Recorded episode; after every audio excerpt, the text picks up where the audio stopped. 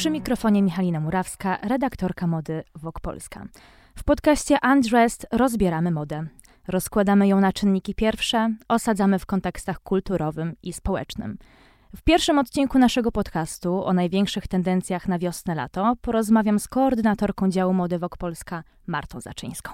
Tematem naszej dzisiejszej rozmowy są trendy, ale gdy tak jechałam do studia, zaczęłam zastanawiać się, czy w ogóle wypada jeszcze rozmawiać o trendach, czy nie popełniamy jakiegoś faux pas, ale potem uznałam, że po prostu możemy to nazwać inaczej. Czyli Marta, dziś porozmawiamy o odkryciach i zachwytach tego sezonu. Dokładnie tak. Co odkryłaś i co cię zachwyciło? Hmm, co odkryłam?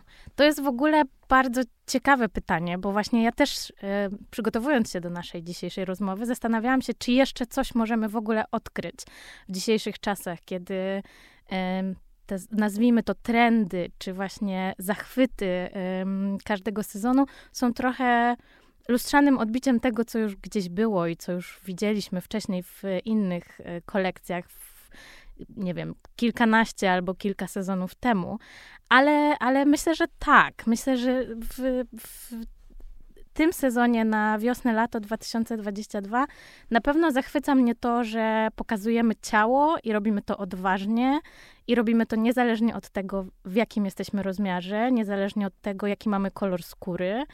Mm, I to jest na, na pewno coś, co, co mnie zachwyciło i co mogę powiedzieć, że y, na pewno też zainspirowało jako stylistkę i jako osobę, która mm, kocha piękno w każdej postaci.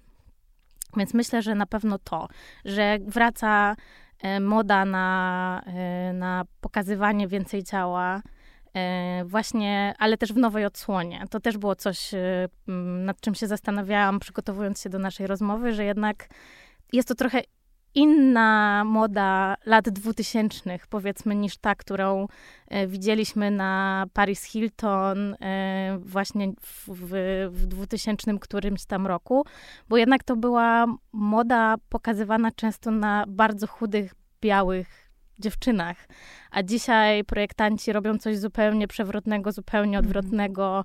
Mamy takie modelki jak Paloma SSR, która jest w no, dużo większym rozmiarze, a wygląda bardzo apetycznie, pięknie w tych y, bardzo wyciętych i i nagich sukienkach. I nagich sukienkach. No właśnie, naked dresses. Naked słynne. dresses. E, ja bardzo się cieszę, że wspomniałaś o tym trendzie, tak w, w cudzysłowie, e, bo mm, ciele też poświęcony jest e, nasz najnowszy numer. E, wyszedł on pod hasłem Everybody. I to jest właśnie nacisk na, na różnorodność, która zawładnęła światem mody, na bardzo pozytywną tendencję, która miejmy nadzieję, utrzyma się jak najdłużej. Ja akurat miałam przyjemność napisać jeden z tekstów do tego numeru i pamiętam, że gdy przygotowywałam wstęp, mm, napisałam, już nie pamiętam teraz dokładnie, ale napisałam coś w stylu, że w tym sezonie nie analizujemy tego, co ubieramy, a tego, czego nie ubieramy, bo tak jak mówisz, królują wycięcia odsłaniające ciało przeźroczystości, i one często są właśnie pokłosiem tej mody z lat 2000, ale wydaje mi się, że już przefiltrowaną przez zupełnie inne podejście do projektowania. Jest cała gwardia nowych kreatorów, e, którzy też starają się przez to odseksualizować kobiece ciało. Ja rozmawiałam z psycholożką mody, która zauważyła, że nastąpił koniec podziału na to, co mogą pokazywać mężczyźni, a na to, co mogą pokazywać kobiety, że wyjście przez kobietę w przeźroczystej i odsłaniającej biust bluzce być może nie będzie już takie gorszące jak kiedyś, bo to, że nagie piersi cały czas niektórych gorszą, no to jest niestety fakt. No tak, i wiemy o tym i też niestety, tak jak mówisz, że może będzie lepiej, ale patrząc na to, na przykład jaka jest polityka platformy Instagram, y, gdzie jeżeli pokazujemy nagie kobiece piersi, to zdjęcia są uznawane za pornografię, a w momencie, kiedy pokazujemy nagi męski tors, to to już jest ok. Ja czekam, aż to się zmieni, no bo tak jak mówisz, wszystkie wogi w tym, w tym numerze marcowym są everybody i tego ciała jest naprawdę dużo i, i nagiego ciała jest dużo w każdej tak naprawdę edycji, więc mm, no i ja już zauważyłam to, że po prostu bardzo dużo zdjęć zostało usuwa, usuniętych z Instagrama, uznanych za pornografię i to jest bardzo smutne, no bo to jest e, jakby to jest właśnie to piękno, o którym wcześniej mówiłam, piękno kobiecego ciała, piękno ogólnie ciała, którego nie powinniśmy dzielić właśnie na męskie lub damskie. Tak, i każda edycja zinterpretowała ten temat zupełnie inaczej, prawda? Jedni e, potraktowali go dosłownie i odkryli niemalże całe ciało, inni postawili na jakieś małe, e, subtelne akcenty, więc to też pokazuje, że jest to temat stwarzający już pod stricte względem kreatywnym bardzo duże możliwości. Tak, to prawda i też e, właśnie przygotowując ten numer marcowy, my jako dział e, mody polskiej edycji Woga, mieliśmy bardzo dużo takich rozmów i przemyśleń, czy podejść do tego w sposób bardzo dosłowny, czy właśnie może e, może, może spróbować zinterpretować to trochę na inny sposób i na pewno pobudziło to bardzo dużą kreatywność. Ja akurat jestem fanką tego, że raz na jakiś czas dostajemy temat narzucony, powiedzmy z góry przez Condé Nasta, bo to też właśnie wymaga po prostu kreatywnego podejścia, ponieważ wiemy o tym, że inne edycje też robią ten sam temat, więc, więc chcemy być po prostu najlepsi, najbardziej chcemy kreatywni, się wyróżnić. chcemy się wyróżnić. Oczywiście. No dobrze, mamy nagość z jednej strony, z drugiej cały czas takim bardzo wyraźnym motywem jest skrajny, surowy minimalizm. Tak. Co ty na to?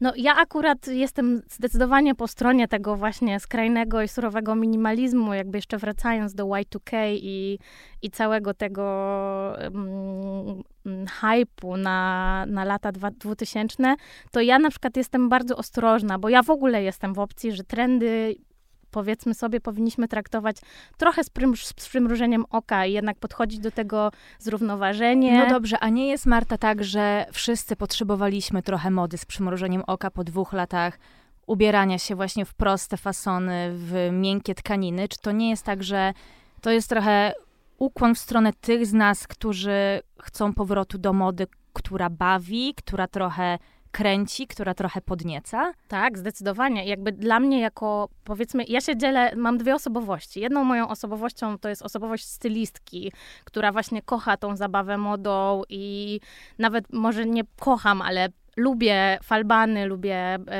jakby rzeczy, które są takie stricte piękne do sfotografowania, ale no jak sama wiesz, bo znamy się bardzo dobrze, na co dzień ubieram się właśnie bardzo minimalistycznie, jakby jestem fanką marynarek i czarnych spodni i, mm, i jednak to jest podstawa mojej szafy, więc tutaj te dwie osobowości rzeczywiście się gdzieś tam zderzają i no i też wiadomo, że właśnie ta moda to jest oczywiście dla nas osób pracujących w tej branży jakby bawiących się właśnie tymi trendami, możliwościami, tymi, tym, co się pięknie fotografuje, a, a, jakby musimy to odróżniać od tego, co, co się nosi, co nosimy na co dzień. No, na przykład, nie wiem, ja jestem ogromną fanką e, nowej kolekcji Miu Miu, zresztą rozmawiałyśmy o tym. Uprzedziłaś mnie. Że są e, bardzo krótkie spódniczki, bardzo krótkie topy i jakby oczywiście pod um, względem użycia tego w sesji to jak najbardziej, no ale ja bym się w życiu w to nie ubrała. Bo wyzwanie, to jest dla mnie... Podejmuję nie, wyzwanie, Marta. Dla mnie to jest po prostu niepraktyczne, a jednak no myśląc o tym, że ja większość czasu jednak spędzam na planie zdjęciowym albo między jednym showroomem a drugim, albo szukając rzeczy w paczce, która y, przyszła, no to po prostu ja gdzieś tam z tyłu głowy zawsze mam tą praktyczną część mod, jeśli chodzi o mnie osobiście, ale oczywiście jeśli chodzi o robienie, y, przygotowywanie sesji zdjęciowych, no to to jest zupełnie inna historia. No akurat y, a propos tej spódniczki Miu jest to chyba projekt, który wystąpi na rekordowej ilości okładek w marcu. E, nawet chyba powstało już konto na Instagramie. Po, powstało konto na Instagramie, wiedziałam dzisiaj e, bardzo często udostępniany tweet e, o tym, że spódniczkę Miu widuje częściej niż członków własnej rodziny. Dokładnie I jest, tak. to, jest to bardzo trafne spostrzeżenie. E, a propos jeszcze, e, jeszcze różnicy między tym, co się sprawdza na zdjęciach, a co w prawdziwym życiu, przypomniał mi się artykuł, e, który widziałam ostatnio na amerykańskim Wogu. E, mianowicie jedna z jego redaktorek podjęła wyzwanie, i na bardzo zajęty, intensywny dzień na tygodniu mody w Nowym Jorku e, założyła kombinezon e, Balenciagi. Ten taki bardzo obcisły, totalnie zabudowany, który miała Kim Kardashian. Powstał z tego bardzo fajny i bardzo zabawny reportaż, który, który zresztą polecam naszym słuchaczom. Ale tak, moda praktyczna może być ładna, może, moda, moda ładna może być niepraktyczna. Wydaje mi się, że to jest coś, co się w modzie nigdy nie zmieni. Mm, mamy Y2K, Mamy lata 90., które są cały czas obecne i chyba najbardziej widoczne w tym minimalizmie. Ale wraz z nadejściem wiosny mamy też bardzo miły powrót do lat 80., kolekcja Saint Laurent. Zgadza się, tak obcisłe kombinezony inspirowane Palomą Picasso. Myślę, że te modele też e, znajdą zastosowanie na ulicy, czy to też będą takie projekty, które sprawdzą się wyłącznie na zdjęciach i, i na celebrytkach? Ja myślę, że znajdą zastosowanie na ulicy i nawet znajdą zastosowanie właśnie w takiej codziennej, e, powiedzmy, modzie, dlatego też, że znowu to jest coś bardzo inkluzywnego, ponieważ e, szczególnie właśnie te, ta kolekcja Saint Laurent i te wydające się jako obcisłe um, um, kombinezony. kombinezony. są e, tak naprawdę bardzo rozciągliwe, co w ogóle jest też dość ciekawym zabiegiem, ponieważ Saint Laurent e, no ja jako stylistka bardzo dobrze o tym wiem, ma bardzo zaniżoną rozmiarówkę i często się zdarzało tak, że bardzo szczupłe modelki nie mieściły się w sample. Tak tutaj te rzeczy są takie, bym powiedziała, jednocześnie w trzech rozmiarach, więc to jest też bardzo ciekawe, no bo y, z perspektywy marki, która raczej kultywuje mm, ten motyw bardzo szczupłej sylwetki, tak. To tutaj mamy możliwość jakby mm, no, ubrania w te rzeczy kogoś, kto jest w rozmiarze nawet 40. No tak, tam też się pojawiła bardzo fajna plejada marynarek, okruć wierzchnich, y, sukienek o fasonach, które może też nie będą zarezerwowane, zarezerwowane wyłącznie dla rozmiaru XX. S. E, mówiłyśmy o takich największych trendach. Nie wiem, czy jest coś, co jeszcze chciałabyś dodać, ale ja z perspektywy mm, dziennikarza piszącego o modzie wiem, że często już wraz z nadejściem sezonu i tego, jak mijają kolejne tygodnie miesiące, najczęściej do głosu dochodzą tak zwane mikrotrendy, czyli coś, czego absolutnie byśmy nie podejrzewali, że wypłynie, a jednak staje się dominującym motywem, czy to w mediach społecznościowych, e, czy w edytorialach. Czy spośród kolekcji, które widziałaś, niektóre miałaś przyjemność widzieć także osobiście, było coś, w czym widzisz potencjał, że stanie się właśnie takim mikrotrendem, który totalnie zawładnie sercami influencerek i gwiazd? Hmm. Ciężko, ciężko mi jest odpowiedzieć na to pytanie. E, na pewno jakby były jakieś takie e, pojedyncze rzeczy, na przykład e, Rzymianki na bardzo grubej podeszwie, to było coś, co właśnie, tak jak mówisz, ja zauważyłam na Fashion Weeku w Mediolanie, ale cały ten temat mikrotrendów jest w ogóle bardzo ciekawy i tutaj właśnie e, przygotowując się do rozmowy z tobą, wpadłam na taki e, e, ciekawy artykuł chyba w Women's Wear Daily, że odpowiedzialni tak naprawdę za ten mikrotrendy są użytkownicy TikToka bardzo często, że w ogóle nie zdajemy sobie sprawy trochę z siły i napędu tego medium społecznościowego, które no dla mnie przedstawicielki milenialsów jest trochę czarną magią, bym powiedziała. E, I że bardzo wiele e, rzeczy, które pojawiają się na, na wybiegu, najpierw pojawiają się na TikToku i w ogóle to jest, to jest naprawdę coś niesamowitego, bo to trochę odwraca um, nasze myślenie o takie, na, nasze takie praw, poprzednie myślenie o trendach, jakby takie oryginalne może myślenie no tak. o trendach do, do tego, że trochę to jest jakaś od, teraz oddolna ym, rewolucja w trendach, że to projektanci inspirują się użytkownikami rzeczy, a nie odwrotnie. Bo może dzięki temu pokoleniu nabieramy dystansu. Wydaje mi się, że takim dobrym przykładem jest, y, jest Y2K i powrót mody z lat 2000, no bo jeśli byś spytała swoich rówieśników, naszych rówieśników, bo też jestem dumną przedstawicielką milenialsów, e, o modę z lat 2000, którą pamiętamy zapewne z Paris Hilton, z Krystyny Aguilery i tak dalej, i tak dalej, większość z nas uznałaby ją pewnie za koszmar minionego lata, za jakiś taki po prostu kiczowaty przykład najgorszego rodzaju ubierania się, a jednak w tej nowej odsłonie, którą zapoczątkowali przedstawiciele pokolenia Z właśnie na TikToku, ona nawet nas inspiruje i fascynuje. Więc może moda potrzebowała takiego świeżego spojrzenia, bo to są jednak osoby, które, których pamięć nie wychodzi aż tak daleko w przeszłość, więc dla nich jest to zupełnie coś nowego. I może dzięki temu nabieramy dystansu. Zgadzam się, ale też e, właśnie myślałam sobie o tym, że to też nie jest tak do końca, że my że dla mnie to jest koszmar minionego lata, bo myśląc o tym, o tych latach dwutysięcznych, ja myślałam też o tym, że to jest trochę taka nostalgia dla nas, trochę coś takiego, mm, co też było niedostępne, bo ja, ja na przykład byłam trochę za młoda, żeby nosić niektóre rzeczy, więc teraz sobie myślę, że no teraz jestem po trzydziestce, więc właściwie już mi mama nie zabroni nosić za krótkiego topu, więc może, może ja nie jestem najlepszym przed, osobą, żeby to rzeczywiście wdrożyć w życie, ale myślę sobie, że właśnie przedstawiciele naszego pokolenia mogą też mieć trochę takie nostalgiczne do tego podejście. Że teraz już nie ma tak, co wypada, co nie wypada.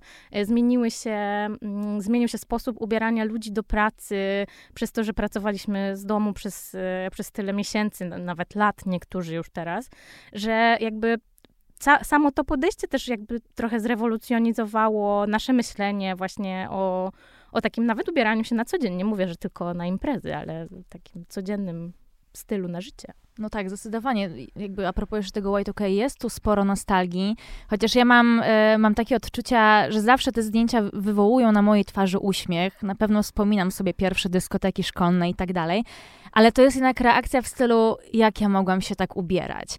Z drugiej strony, tak jak mówiłam, przefiltrowane to przez jakąś nową wizję młodych projektantów, młodych, bardzo zdolnych projektantów, jest to dla mnie bardzo intrygujące i nie wykluczam, że spróbuję tego w nowej odsłonie. A propos nowych projektantów, nazwiska, które trzeba znać. Gdybyś musiała wymienić osoby, które absolutnie zachwyciły cię swoją kolekcją, w których widzisz największy potencjał i, i którym wróżysz y, przyszłość? Mm, no dla mnie ten sezon właśnie na wiosnę, lato, to szczerze mówiąc jest trochę odrodzenie mody w Wielkiej Brytanii, bo tam troszeczkę był, przez moment było tak, że ja miałam poczucie, że London Fashion Week is gone. W sensie, że już nie będziemy tam jeździć. Mhm. A młodzi projektanci pokazali nam, że właśnie jest zupełnie odwrotnie.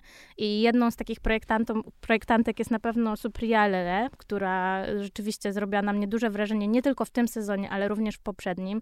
No wiadomo, Nancy Dojaka, jakby to jest w ogóle... Ikona. Ikona i, i showstopper w, w tym sezonie, w poprzednim, w następnym, jakby cały czas myślę, że myślę, że gdzieś to jest. Warto powiedzieć, że pracuje z nią Polak, tak. polski projektant Michał Wiśniewski, o którego czym, pozdrawiamy którego serdecznie. pozdrawiamy serdecznie, o, o, kim, o którym nie każdy może wie, ale Michał e, poznał Nancy na Central St. Martin, zaprzyjaźnili się, markę e, tworzą razem. Tak.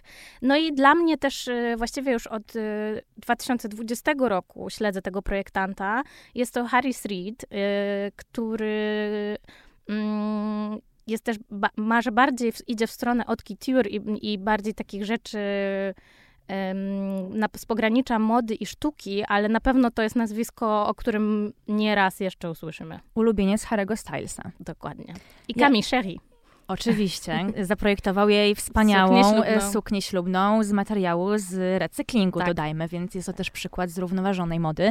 Ja absolutnie się zgadzam z tym, że londyńska scena mody dochodzi na nowo do głosu. Jest to bardzo pokrzepiające i, i, i bardzo fascynujące.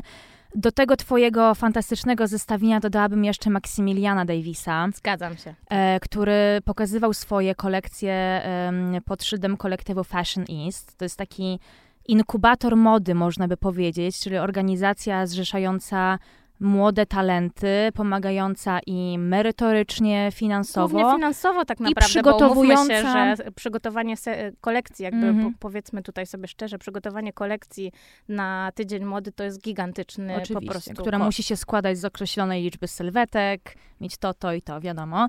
E, Maksymilian już nie będzie e, pokazywał kolekcji e, w ramach Fashion East, wypływa na szerokie mody. Ale sam ten twór jest, jest, bardzo, jest bardzo ciekawy, bo wydaje mi się, że, że to jest coś, co właśnie pomogło trochę londyńskiej modzie, brytyjskiej modzie wstać z kolan, no bo jest to jednak organizacja, która wykreowała wiele postaci, w tym Nancy. Dokładnie. Myślisz, że jeżeli coś takiego funkcjonowałoby w Polsce, polscy projektanci mieliby większą szansę? Już nawet nie mówię o jakimś sukcesie zagranicznym, ale ale na to, żeby robić swoje, robić to skutecznie i, i faktycznie stanowić taką reprezentację silną polskiej mody? Myślę, że tak. Myślę, że no właśnie tak jak powiedziałam wcześniej, jednak te finanse to jest, to jest coś takiego, co, co bardzo wielu młodym twórcom po prostu nie pozwala um, na roz, rozwijanie się, na tworzenie całej kolekcji, no bo, bo po prostu um, te koszty są ogromne. Y, no na pewno jest Złota Nitka, która jest konkursem, gdzie do wygrania jest dość duża kwota pieniędzy. Nie pamiętam dokładnie jaka. No tak, ale jest to konkurs. Tak. My mówimy o czymś, co by działało jako inkubator. No, myślę, że jest to do zrobienia, ale też y, pytanie, ilu byłoby chętnych to jest bardzo trudne w ogóle do, to jest do, do, przemyślenia, bo, bo mi się wydaje, że bardzo wielu osobom wydaje się, że w ogóle praca w branży mody jest y, łatwa, miła i przyjemna i właściwie nie trzeba się narobić, żeby zrobić, a to jest zupełnie odwrotnie. Myślę, że, nie, że w każdej części tej branży, czy jesteś dziennikarzem, czy jesteś stylistą, czy jesteś właśnie projektantem, to jakby liczy się duży nakład pracy. Ja mam trochę takie poczucie, że wielu e, polskich młodych projektantów, trochę zderzając się z tą, z tą sytuacją, nie radzi sobie w tym aspekcie, że jednak to jest praca 24 na 7.